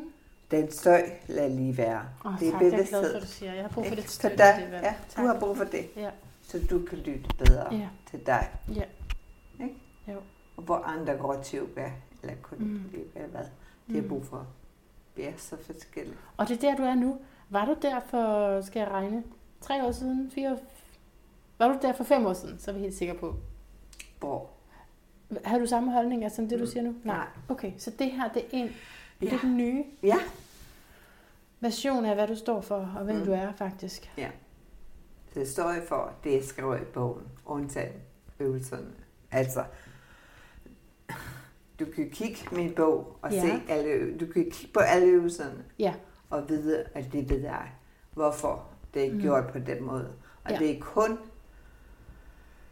med det for øje at få en high og få mere adgang. Men hvis ikke du har fundamentet på plads, Mm. kan du lige så godt tisse buksen. Ja, Og det er jo det, lidt den her teknologi, som ikke er en teknologi. Hvad handler det om at kalde noget en teknologi? Ja, det kan, kan jeg godt huske, jeg hørte. At det, I kunne lide til mig selv, det er det. Som om det bliver mere, øh, det bliver bedre at kalde det noget, det ikke er. Nej. For det er ikke en teknologi. Det er mand af to. nogle øvelser og blive inspireret fra forskellige retninger Ja. af yoga, som er godt. Han var sikkert en god mand på et tidspunkt, Mm. for han selv blev for vild i sit Ja. eget whatever. Ego. Ja, Troede, knows? troede ja. han var Gud. Noget af den stil. Ja. Sådan skal jeg kompleks. sige. Så det er sådan, jeg kan se, hvad der foregik, altså på afstand nu, fordi jeg ikke længere er i det. Og jeg kan se, hvad der foregår Ja. i Danmark, i de kolleger, jeg har. Og det gør mig bare ked af, af det, at det er ligesom MeToo, men vi taler ikke om det. At de fleste forestiller som ingenting er sket. Og det, du føler, at dem, eller du har Ja. oplevet, at dem, som er i yogamiljøet, de er bare fortsat, Mm-hmm. uden at tale om det. Præcis. Fordi det virker jo, men Mm. ja, Jeg tror, at dem, jeg fulgte der, de sagde sådan noget... Altså, de tog det meget alvorligt, gik det lige i tænkeboks, og så lavede de deres øvelser lidt om, men det er stadigvæk det, de laver, ikke? fordi de ikke ved, Mm. hvad øvelserne gør. Mm. Og du har et stort ansvar som lærer at Ja. vide, hvorfor. Men det ved så nu. Hvorfor? Det forstod jeg ikke. De ved, Hvorfor øvelserne virker, som de gør. og det ved vi, fordi hvad? Det ved jeg, fordi jeg faktisk... Du praktiserer det også, jeg skulle lige Ja. forstå. Ja, fordi det har ikke noget at gøre med hans fald. Øh, Nej, det, du skal vide dit energisystem. Du kan sammensætte dit eget program. Ja. Men, og Der det, findes så mange fantastiske yoga-retninger derude, og vi ser igen og igen yoga-guruens fald. ja, Om det er kundalini yoga, om det er andre yogaformer, som også har haft en overgrebsmand som ja, stifter. ja. Ikke? Og det virker for dem. Men have bevidstheden om, at hvorfor er det, jeg gør det? Hvad er, hvordan mærkes det? Jeg gør det ikke bare fordi, at det gør jeg. Men at tage lederskab og ejerskab for ens egen energi. Altså det, du siger der, det er så vigtigt, og det føles så rigtigt inde i mig. Og det er jo det, vi skal lære nu, Manne. Ja, Det er derfor, det er nu, det sker. ja. Ikke bare på yogascenen, men i vores verden. Mm-hmm. Hele den her pandemic. Ja. Og jeg føler jo, at jeg har fået forspring på en eller anden måde. Ja. At jeg har jo måttet selvisolere mig i to år, fordi at jeg blev syg. Ja. Og jeg mistede mit firma om at lukke. Mm-hmm. Så jeg har selv skulle isolere mig selv, fordi jeg ikke kunne komme ud. Mm-hmm. Ikke? Og så kommer pandemien, som ikke berører mig overhovedet. Og jeg ser bare mennesker, der ikke er ikke har teknik eller værktøjer til at orientere deres egne følelser. Både yoga og ikke yoga. Mm, det er meget interessant, ikke? Du fik Mhm. mm-hmm. krisen før. Og der Mhm. mm. kan man se tydeligt deres frustration Mhm. mm. og tvivl og frygt. Fordi de bliver triggeret af, hvad coronaen repræsenterer og giver dem øh, begrænsninger, de ikke må. Ikke? Begrænsninger ting, man ikke kan, og kæmpe, kæmpe massivt kontrol, kontroltab. Præcis. Og det er det, jeg oplevede. Så jeg føler bare, at jeg er på forkant. Det er det. Du var bare først ude. Ja. Så. Så hvad fodrer du? Hvad vælger du? Jamen, jeg vælger så meget, nu taler for- vi på ja. alle vegne, ikke? Altså, vi vælger jo led, selvlederskabet, ikke? Håber jeg. Det er jo det, der føles rigtigt, men man kan bare godt blive i tvivl, når man så hører nogen sige, nej, det er sådan her. Og der er jo også de der Jamen, videoer. hvorfor bliver man til? Fordi vi, der er de der videoer med uh, prosperity, abundance, og de er de rigtig hårde. Bullshit. Altså, Sorry. To put the record. Det er bullshit. Du kommer ikke til at få flere penge. Det er en indre følelse at være abundant. Du skal selv synes, du fortjener det. ja. Og der er ikke nogen, der kan sige, at den øvelse er for et eller andet pengehalløj. Du skal huske, at dem, der har fortalt dig det, de tjener penge på det. Og jeg skal have en forretning til Mhm. at køre.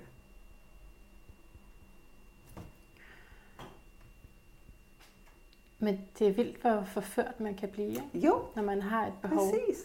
Fordi vi kommer væk fra vores kerne. Ja. Det paradoxale ved den her form for yoga, er, at vi siger det bevidsthedens yoga, og så bliver vi så forført Ja, og kommer væk fra os selv.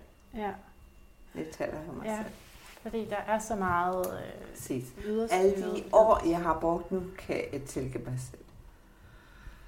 Så skulle man klæde sig på den her måde, og man skulle spise på den her måde, og lave yoga hver dag på den her måde, ellers var man ikke en god yogi, god nok.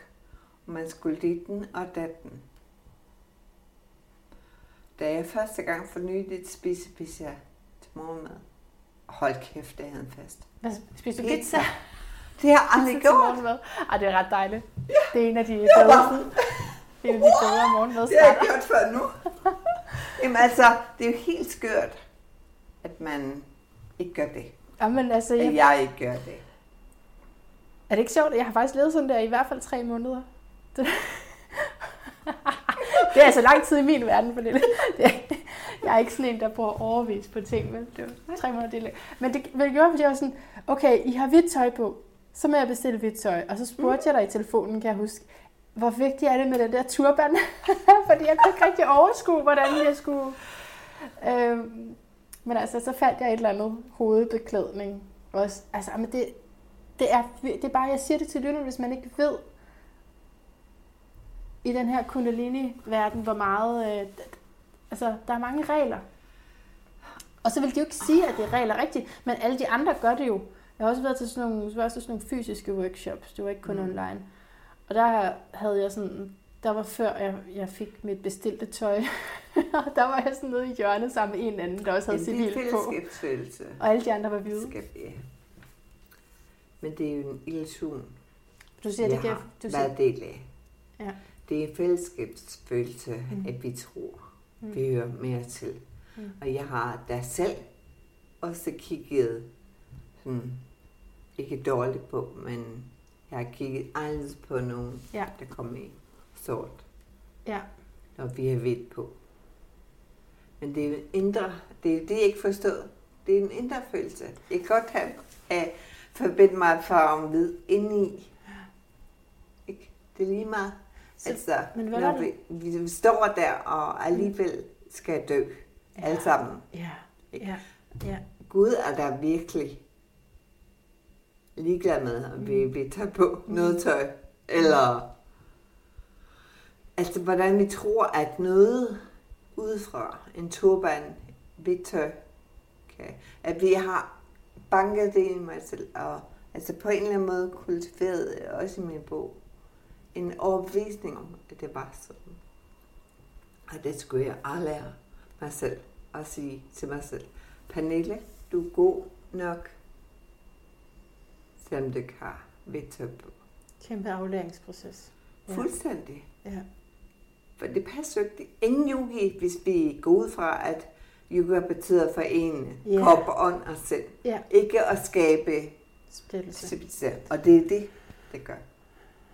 Men kan du huske der, hvor du sad og dømte dem, som kom i farvetøj? Mm. Hvorfor dømte du dem? Eller hvad dømte du dem til at være?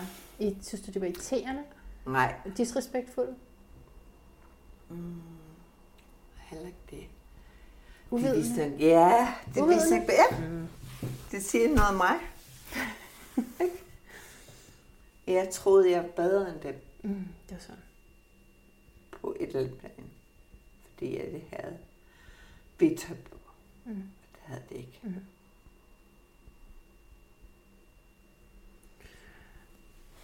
Men altså, det med at have været insekt, det har jeg jo også prøvet. Men har det? Ja, jeg har jo været sådan troende. Har jeg slet ikke fortalt det? Nej. Jeg har været religiøs i de fleste af mine år. Ja, puha, ikke? og altså, jeg er jo så gået ud af det, ikke også? Men, men så jeg kender godt til tilgivelsesprocessen bagefter. Fordi, og jeg kan sagtens genfinde stadigvæk en hel masse øh, fortrydelser i, mm. i forhold til, hvad jeg har prædiket over for andre. Ja. Fordi jeg troede jo, folk ville komme i helvede, ikke? Så jeg har virkelig prædiket i mine unge år. Så jeg kan godt forstå, øh, at der er den proces også. Ja. Men, det er men, som om, at det manglede bare, altså hele, hvad jeg ved nu, mm, det det, ser jeg jo ikke dengang. hvis jeg vidste. Ja. Og nu i bagspejlet ser jeg jo, det er helt tåbeligt at tro på, ikke tåbeligt, men for mig, Mm. Og der er stadigvæk noget selvtilgivelse Mm. og steppen, der skal til. Når jeg troede, at sådan yoga, som betyder at forene, Mm. vil gå ind for noget, som er skaber så meget splittelse, Mm. regler og dommer og så videre. Du skal gøre det, og Mm. koldbade, og du skal det. Det er rigtigt, ja. Jeg kan huske, da jeg fødte mit første barn herhjemme for 16 år siden. Jeg har været vegetar i mange, mange år. Mm. Var faktisk vegetar indtil bærensyg. Mm. Øh, der mest er mest blod, Mm. og jeg var alene. Men jeg skulle have noget mad, som min nabo lavede kyllingesuppe. Mm. Jeg havde en kollega, en kundalini-kollega. Oh my god, you eat a whole, you add uh, chicken Mm. soup. Altså fordømmende i forhold til, Mm. Så Ja. man ser kun det, i stedet for at se. Kan bare se, okay, du har faktisk brug for mad. Præcis. Ja. Men det er jo helt nede i de små. Jamen, det er rigtigt. Det er faktisk godt, du lige nævner det, hvis man ikke ved, hvad for nogle ting der er. Du koldbade, ingen kød. Kolde Men der-. Ja. Og det er meget omfattende faktisk, når man kommer ind i det. ja. Og sådan levede mit liv. Jeg havde skabt rutiner, øh, som jeg. Og, okay, hvad er det? Jo mere du praktiserer kundalini yoga, Ja, og får tilgang ja, til den der høje følelse, ja, skal du gøre det hver dag. ja. Ikke? Så du bliver fanget i din egen selvopholdelse af at blive afhængig af din egen energi. Hvor egentlig burde man sige, stop det ja. og mærke, hvor er jeg lige. Og nogle gange var det okay, men jeg overrulede bare Du overrulede det hele. fuldstændig. Jeg gik, jeg var virkelig radikal. Det holdt jo kun et par måneder, fordi jeg ved godt, jeg har bare brug for lige at, at blære mig Mhm. med det, men øh, det var stået øh, i hvert fald halvanden time om morgenen, og så en time eller to timer om aftenen. Der var nogle gange sådan nogle events, som tog flere timer. Og så om lørdagen, det var den helt store pakke med sådan tre timers abundance, det var hver lørdag. Så altså måske, at jeg også var stoppet, hvis der ikke havde været nedlukning, men det var det, der gjorde, at det kunne jeg på ingen måde øh, fortsætte med, fordi jeg skulle flytte og sådan noget. Det, altså, det var jo helt vildt krævende. Mm. Men jeg troede, det ville ændre mit liv. Jeg tænkte, Ja. Kundalini, det, altså, de siger jo, altså, ja, at du vil få rigdom, og du vil, altså, det lyder også helt forkert, når jeg siger det, men der er forskellige spirituelle discipliner, som du øver i det, og det gav egentlig mening for mig, Mm. at øh, man kunne gøre mig. noget ved livet. Det er også det er sådan en kontrol, det er, sådan, det er den indre godt- proces. Det er en indre proces. Ja. Det er jo både yang, men vi mangler yin. Ja. Fordi du kan ikke få noget yang-energi til at bundfølge sig. Yang-energi. Og nu siger du slet ingen yang-energi. Nu siger du stop fuldstændig. Ja, fordi at du skal mærke yin, Mm. Din iboende ro, og være i tankemøller, og være i alt muligt, hvad vi er. Det, og et ønske om, ja, det vil jeg godt ændre, hvis jeg ændrer noget. Men bevidsthed om, at det er sådan, at jeg er okay. Jeg Mm. fejler ikke noget. Der er ikke nogen, der skal fikse mig. Mm. Hvis det var mine børn, der havde det sådan, Mm. ville jeg fikse dem på samme måde, som jeg prøvede at fikse mig selv. Nej. Mm. Vil du? Nej, Mm. det tror jeg ikke. Så skal man lave øvelserne i din bog? Nej, med den bevidsthed om, at ja, det, det vil jeg godt sige til.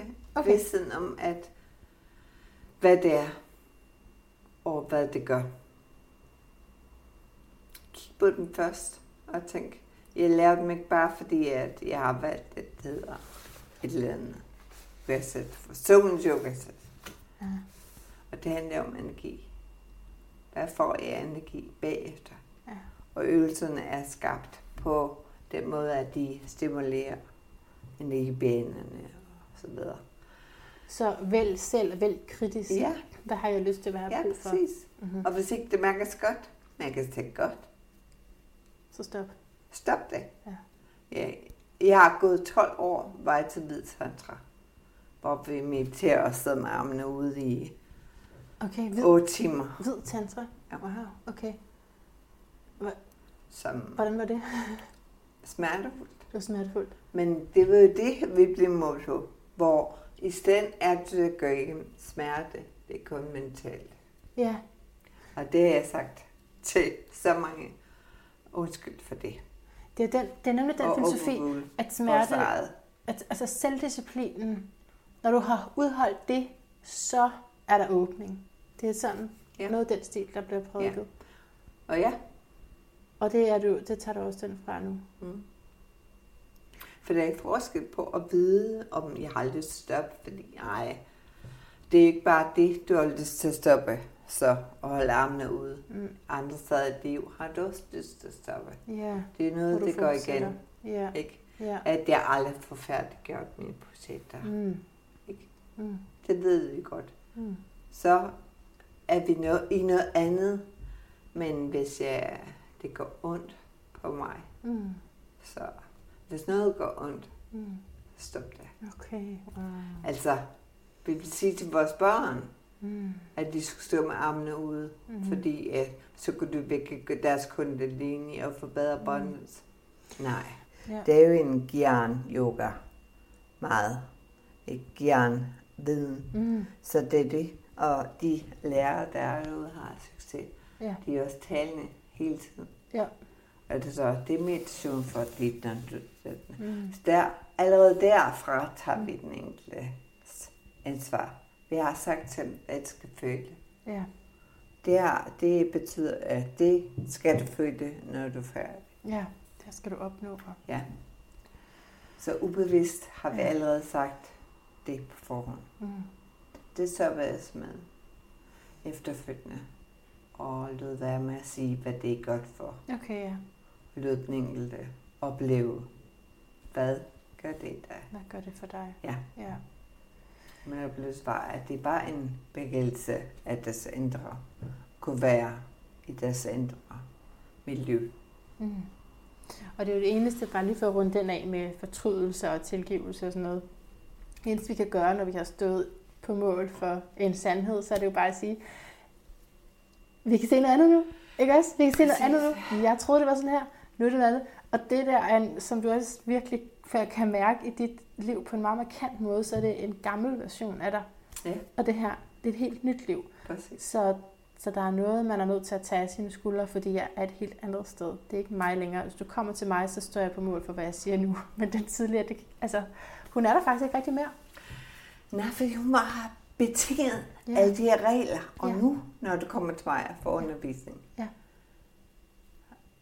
jeg vil skulle være med dig og lære dit indre virkelig potentiale. Det rene potentiale Mm. mm. som menneske. Og vi alle sammen, tror jeg jo, har et eller andet sted også. Vi ikke tror, vi er gode nok. Mm. Ja, og det skal vi jo selv finde ud af, at vi er. Ja, Ingen andre kan sige det. ingen andre kan bekræfte det. nok. Nej. Nej. Pernille, hvor lang tid har jeg dig endnu? Hvor Mm. meget har du energi til? Jeg ved, at uh, tiden er begrænset, fordi Mhm. du... Hvor, det, hvor lang tid har jeg dig? 10 minutter. Godt. Øhm. Så kommer det lige. De vigtigste spørgsmål her. 10 minutter, okay. Det er fordi, jeg vil lige høre, øh, må, må vi tale om døden? Ja. Vi kan godt tale om døden? Ja. Okay. Jeg troede egentlig, at jeg havde det sådan øh, cool nok med døden, fordi det kommer måske indtil man selv bliver syg, ikke? Men øh, så opdagede jeg øh, en telefonsamtale med en, jeg skulle interviewe, og han fortalte om en podcast, han havde været i. Og så sagde han, øh, men hun er, hun er desværre død. Og så var jeg sådan, hvad? Hvem? Og så slår jeg hende op, og, det, og jeg kender hende, ikke også? Og jeg har, så tæt har vi jo ikke været eller noget, men, men jeg fik nogle meget stærke følelser der. Øh, altså det der med, at altså, der kom døden kom lige ind i min Ja. ja. dag der, for en jeg kendte og har udvekslet med, som skulle være død. Og, og, så jeg tror ikke, jeg er helt cool med den alligevel. Nej. Hvordan har du det med døden? Jeg har det godt. Ja. Nu. Mm. Hvad jeg oplever, det er, at der er andre ikke, Mm. som man er det er helt normalt. Det er jo også fordi, man Indtil savner, man, og man ikke... indtil man selv bliver syg, Ja. og må kigge døden i øjnene, som Mm. man siger. Mm. For det er mest spejlbilledet.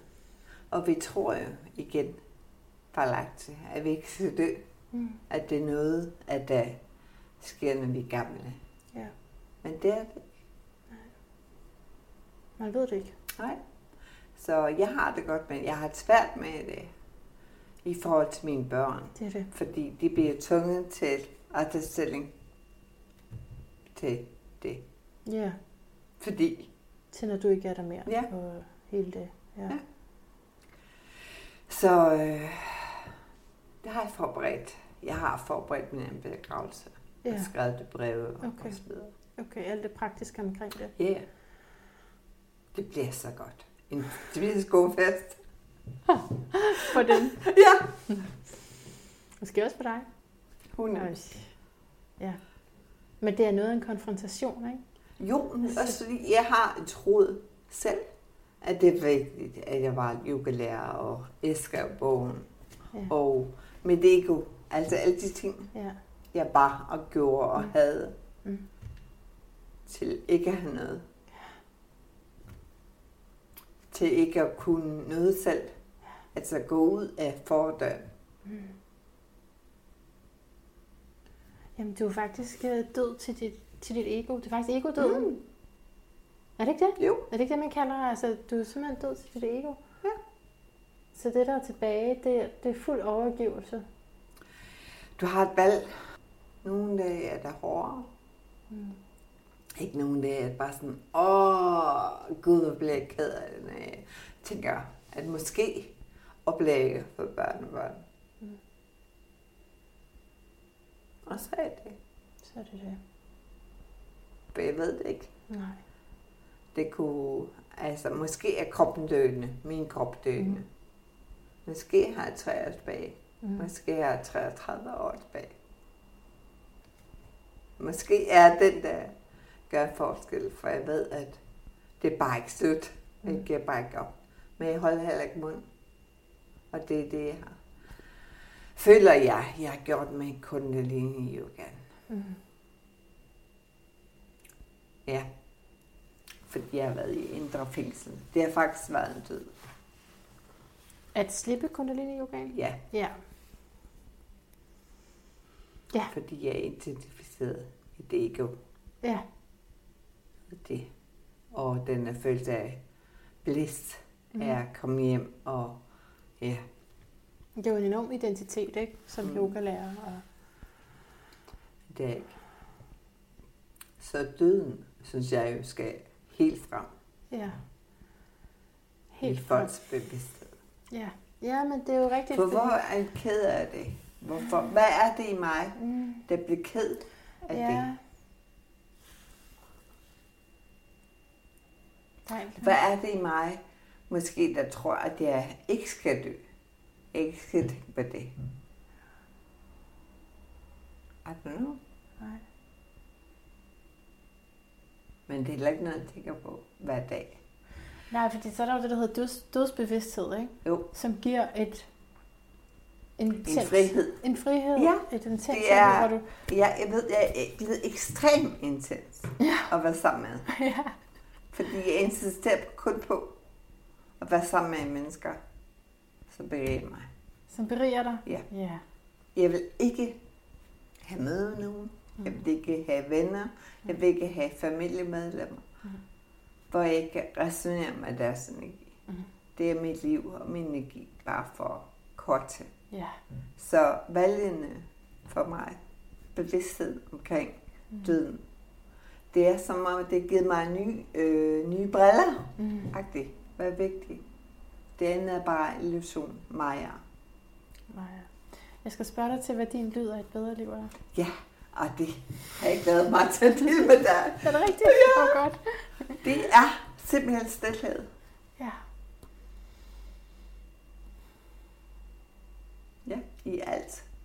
I alt støj er der stillhed. Al musik, i al, hvis du kan formå at se og mærke stillheden midt i kasset, med midt i larm, for eksempel. Mm.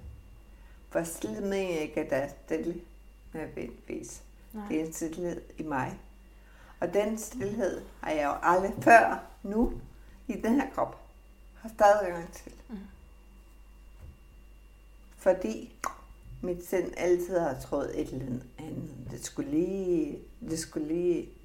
Men nu kan jeg mærke stillheden i alle. Wow. Fordi sindet ikke gør det samme. Præcis. Dit hoved kan Og fordi at, at den her sygdom, Ja. de impulser fra jorden, Ja. det er den er jo gået i stykker. Det kommer stadigvæk op, men computeren i liljen er gået i stykker. Aha. Så mærker jeg ikke impulserne. Kun igennem, jeg kan for eksempel gå, hvis jeg rører dig. Aha. Så jeg kan mærke jorden gennem dig. Aha. Helt skørt. Det er vildt. Helt vildt.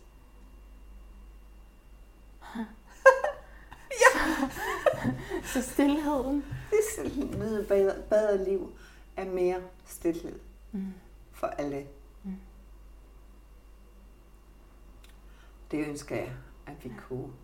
Fordi også i takt med, min tale og udtale Mm. er påvirket, så betyder det selvfølgelig også noget for mig, at jeg, at jeg øh, laver research og skriver min anden bog nu. Er det rigtigt? Er du Ja. ved at skrive din anden bog? Mm. Ej, hvor er jeg glad for at høre det. Omkring mit liv og mine overvejelser og det med at date som handicappet 50-årig kvinde. Oh my god, den skal jeg læse. I'm gonna spill the beans. Men altså den konditionering, vi har, det vi tænker om nogen, på grund af, hvordan de ser ud, eller ikke Mm. ser ud, og så videre. Mm. Ja, det er alle mulige overvejelser. I forhold, for det er ikke mange, der får lov til at opleve døden, som jeg gør. Vel? Nej, ved at Det- få ændret dit liv så radikalt. Jamen, også fordi den er der hele tiden. Den er der hele tiden. Jeg sætter pris på at kunne mm. tale med dig. Mm. Det kan godt være i morgen, bogen er, og det er slut Det er det. at tale. Ja. Ikke? Jo. Så, Så det, det, bliver lige pludselig. Ja, Det, det værdsætter du virkelig meget mere. præcis.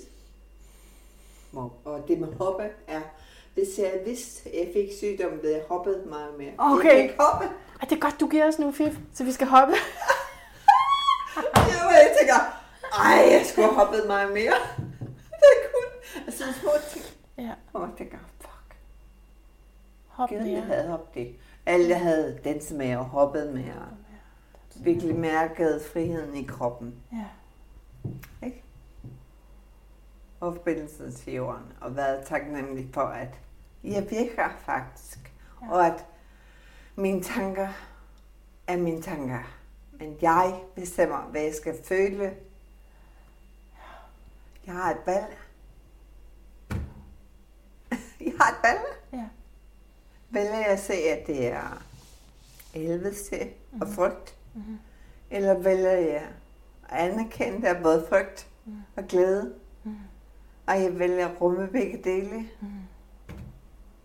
Men jeg har krav på at være lykkelig. Har vi alle. Og vi er alle værdige. Så. Tak, Pernille Dybro. Jeg er så glad. Jeg er så glad for det her. Jeg synes, det er, Ja. det er det vigtigste interview ever. Det er det jo. Det er jo, øh, altså, hvad er vigtigere end det her? Men ja, og det er jo illusionen, vi skal lige stille nu i forhold til død, Ja. hvor vi taler om pandemi og magtkontrol og så. Det er også for at ændre stør. Hvad Ja. vi selv troede på. Hvad har jeg selv troet på? Og jeg sad og sige, mm, jeg ikke. Altså jeg gjorde, du gjorde det bedste, jeg kunne. Ja. Jeg har gjort det bedste, Ja. jeg kunne. Mm-hmm. Jeg har ikke.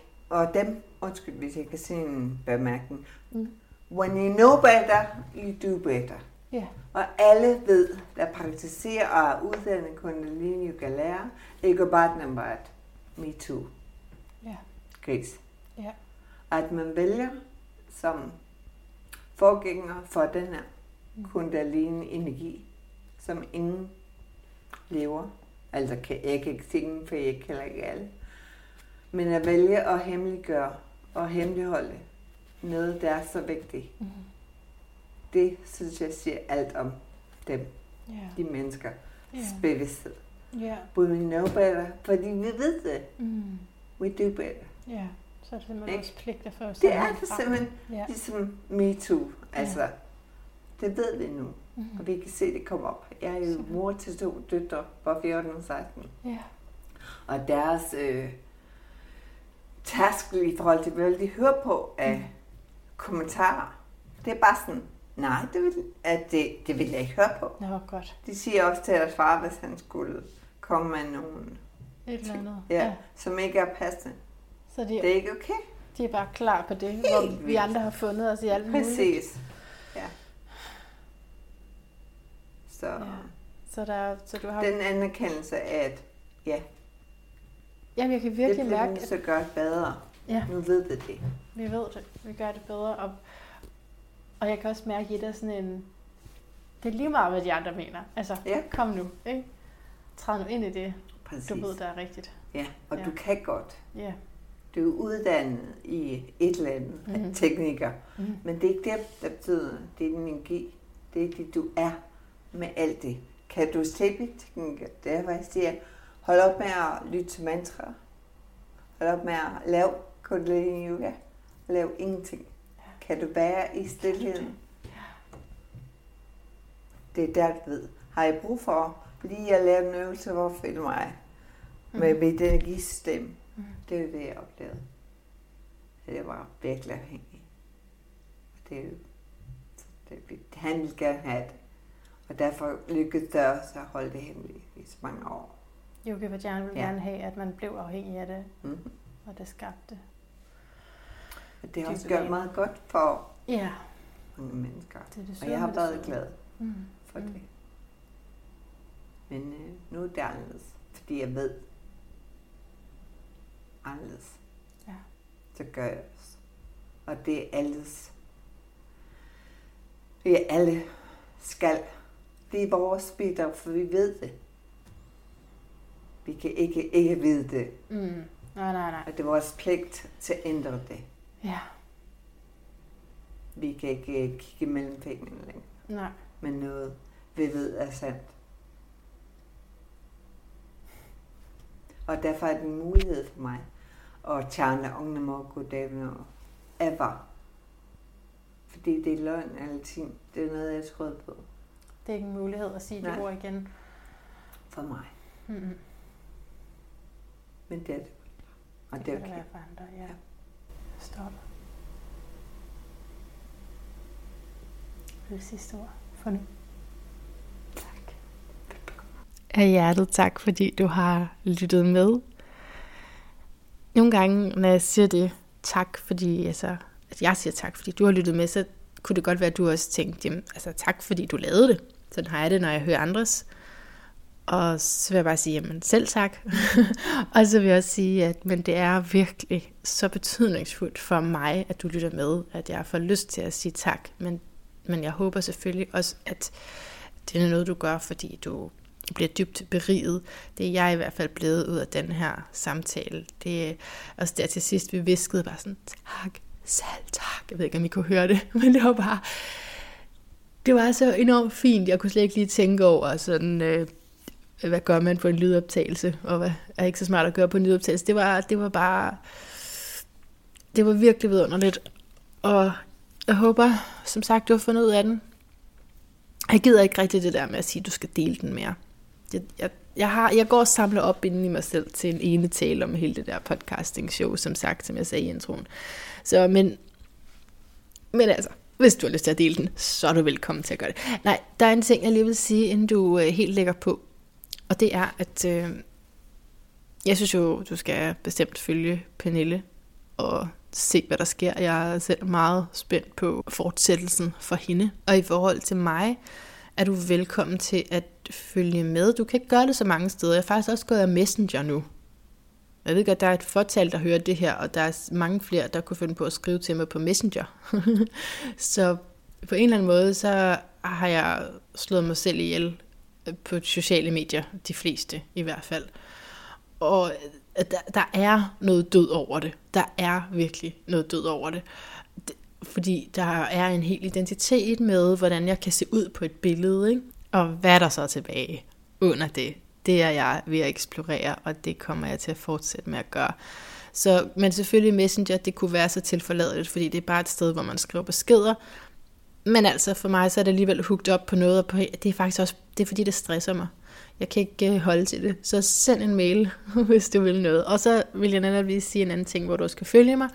Det er igen mit nyhedsbrev, som jeg er begyndt at sende. Og det er ikke noget nyhedsbrev med, øh, nu kan du nu laver vi en retræte på Costa Rica eller et eller andet. Jeg fik lige sådan en nyhedsbrev og tænkte, åh, oh, det kunne da være lækkert, men nej. Øh, nej, det, det, det er det som regel ikke. Måske laver jeg noget en gang imellem, jeg fortæller det om, men det er mere øh, egentlig bare, at jeg deler noget af mit liv. Og jeg vil lige læse op for dig, fordi mit sidste nyhedsbrev hedder, hed, kan man forudsige dødsdagen for en person via horoskopet. Og i virkeligheden så var den måske ikke så rammende for den tekst, jeg skrev, selvom jeg bare lige kort svarede, øh, nej. Men, men altså, og jeg ved godt, der er forskellige astrologiske skoler, som arbejder med det, men øh, det, det vil jeg ikke mene, at man på den måde kan. Ikke før bagefter, så kan man forudsige alt. Bare udsige det, ikke? Nej, men jeg skriver i det her nyhedsbrev om den død, jeg fortæller om i interviewet her. Fordi det rørte mig rigtig meget, og jeg er også kommet frem til, at det gerne må berøre mig rigtig meget, selvom jeg har slåsset med, må en død berøre mig, hvis altså, der er nogen, der er meget mere ulykkelige end mig, bør jeg så tage det ind? Eller? Men det må jeg godt, og altså, vi må gerne elske, ikke? og når vi elsker, så risikerer vi at miste, ellers så er det ikke at elske. Og jeg, jeg elsker og rigtig, rigtig mange os, der ikke ved, at de elskede af mig. Mm. Måske er det sådan at være fisk, måske er det bare sådan at være mismænder. Men i hvert fald så skriver en virkelig dejlig lytter, som også har været til en astrologisk konsultation ved mig, så jeg føler, at jeg kender hende rigtig godt. Hun hedder Cornelia Sylva Storm. Hun har skrevet så utrolig fint til mig. Så, så man kan, når man holder min nyhedsbrev, så kan man simpelthen trykke svar, eller reply måske. Og så øh, så er der simpelthen hul igennem. Det må du meget gerne gøre, hvis du har lyst til at fortælle mig et eller andet. Så hun skriver, Sikke en oplevelse, sikke tanker, sikke følelser, og tusind tak for at dele. Jeg kan så godt sætte mig ind i det, synes jeg. Det må føles surrealistisk og meningsløst. Især at personen, som man for en stund delte noget med og var i udviklende og givende dialog med, pludselig dør midt i for hende, plutter for lidt tid. Tak for at dele det virvare følelser og tanker, der gik igennem dig og din verden. Det må være en form for omkostelig affære at ture at møde mennesker, forskellige mennesker, som du gør. I træder ind og ud af hinandens liv, men med meningsfulde samtaler og aftryk i hinandens sind. Og hvis der hænder noget som et dødsfald for en af dine interviewede, er det som om, at livets cyklus med alt, hvad det indebærer af afslutninger, kommer lidt for tæt på. Jeg er sikker på, at vi er her på jorden for at lære en masse, og det må være netop din gave, at du tiltrækker og tiltrækkes af mennesker med noget på hjerte, som er værd at lytte til. Samtidig er der den omkostning, at du kan opleve og erfare deres livscyklus, især i dette tilfælde. Jeg forstår godt chokket og kuldegysningerne og trangen til investigation, til at gå tilbage i teksten, noterne. Det er det, du kan. Det er det, du gør.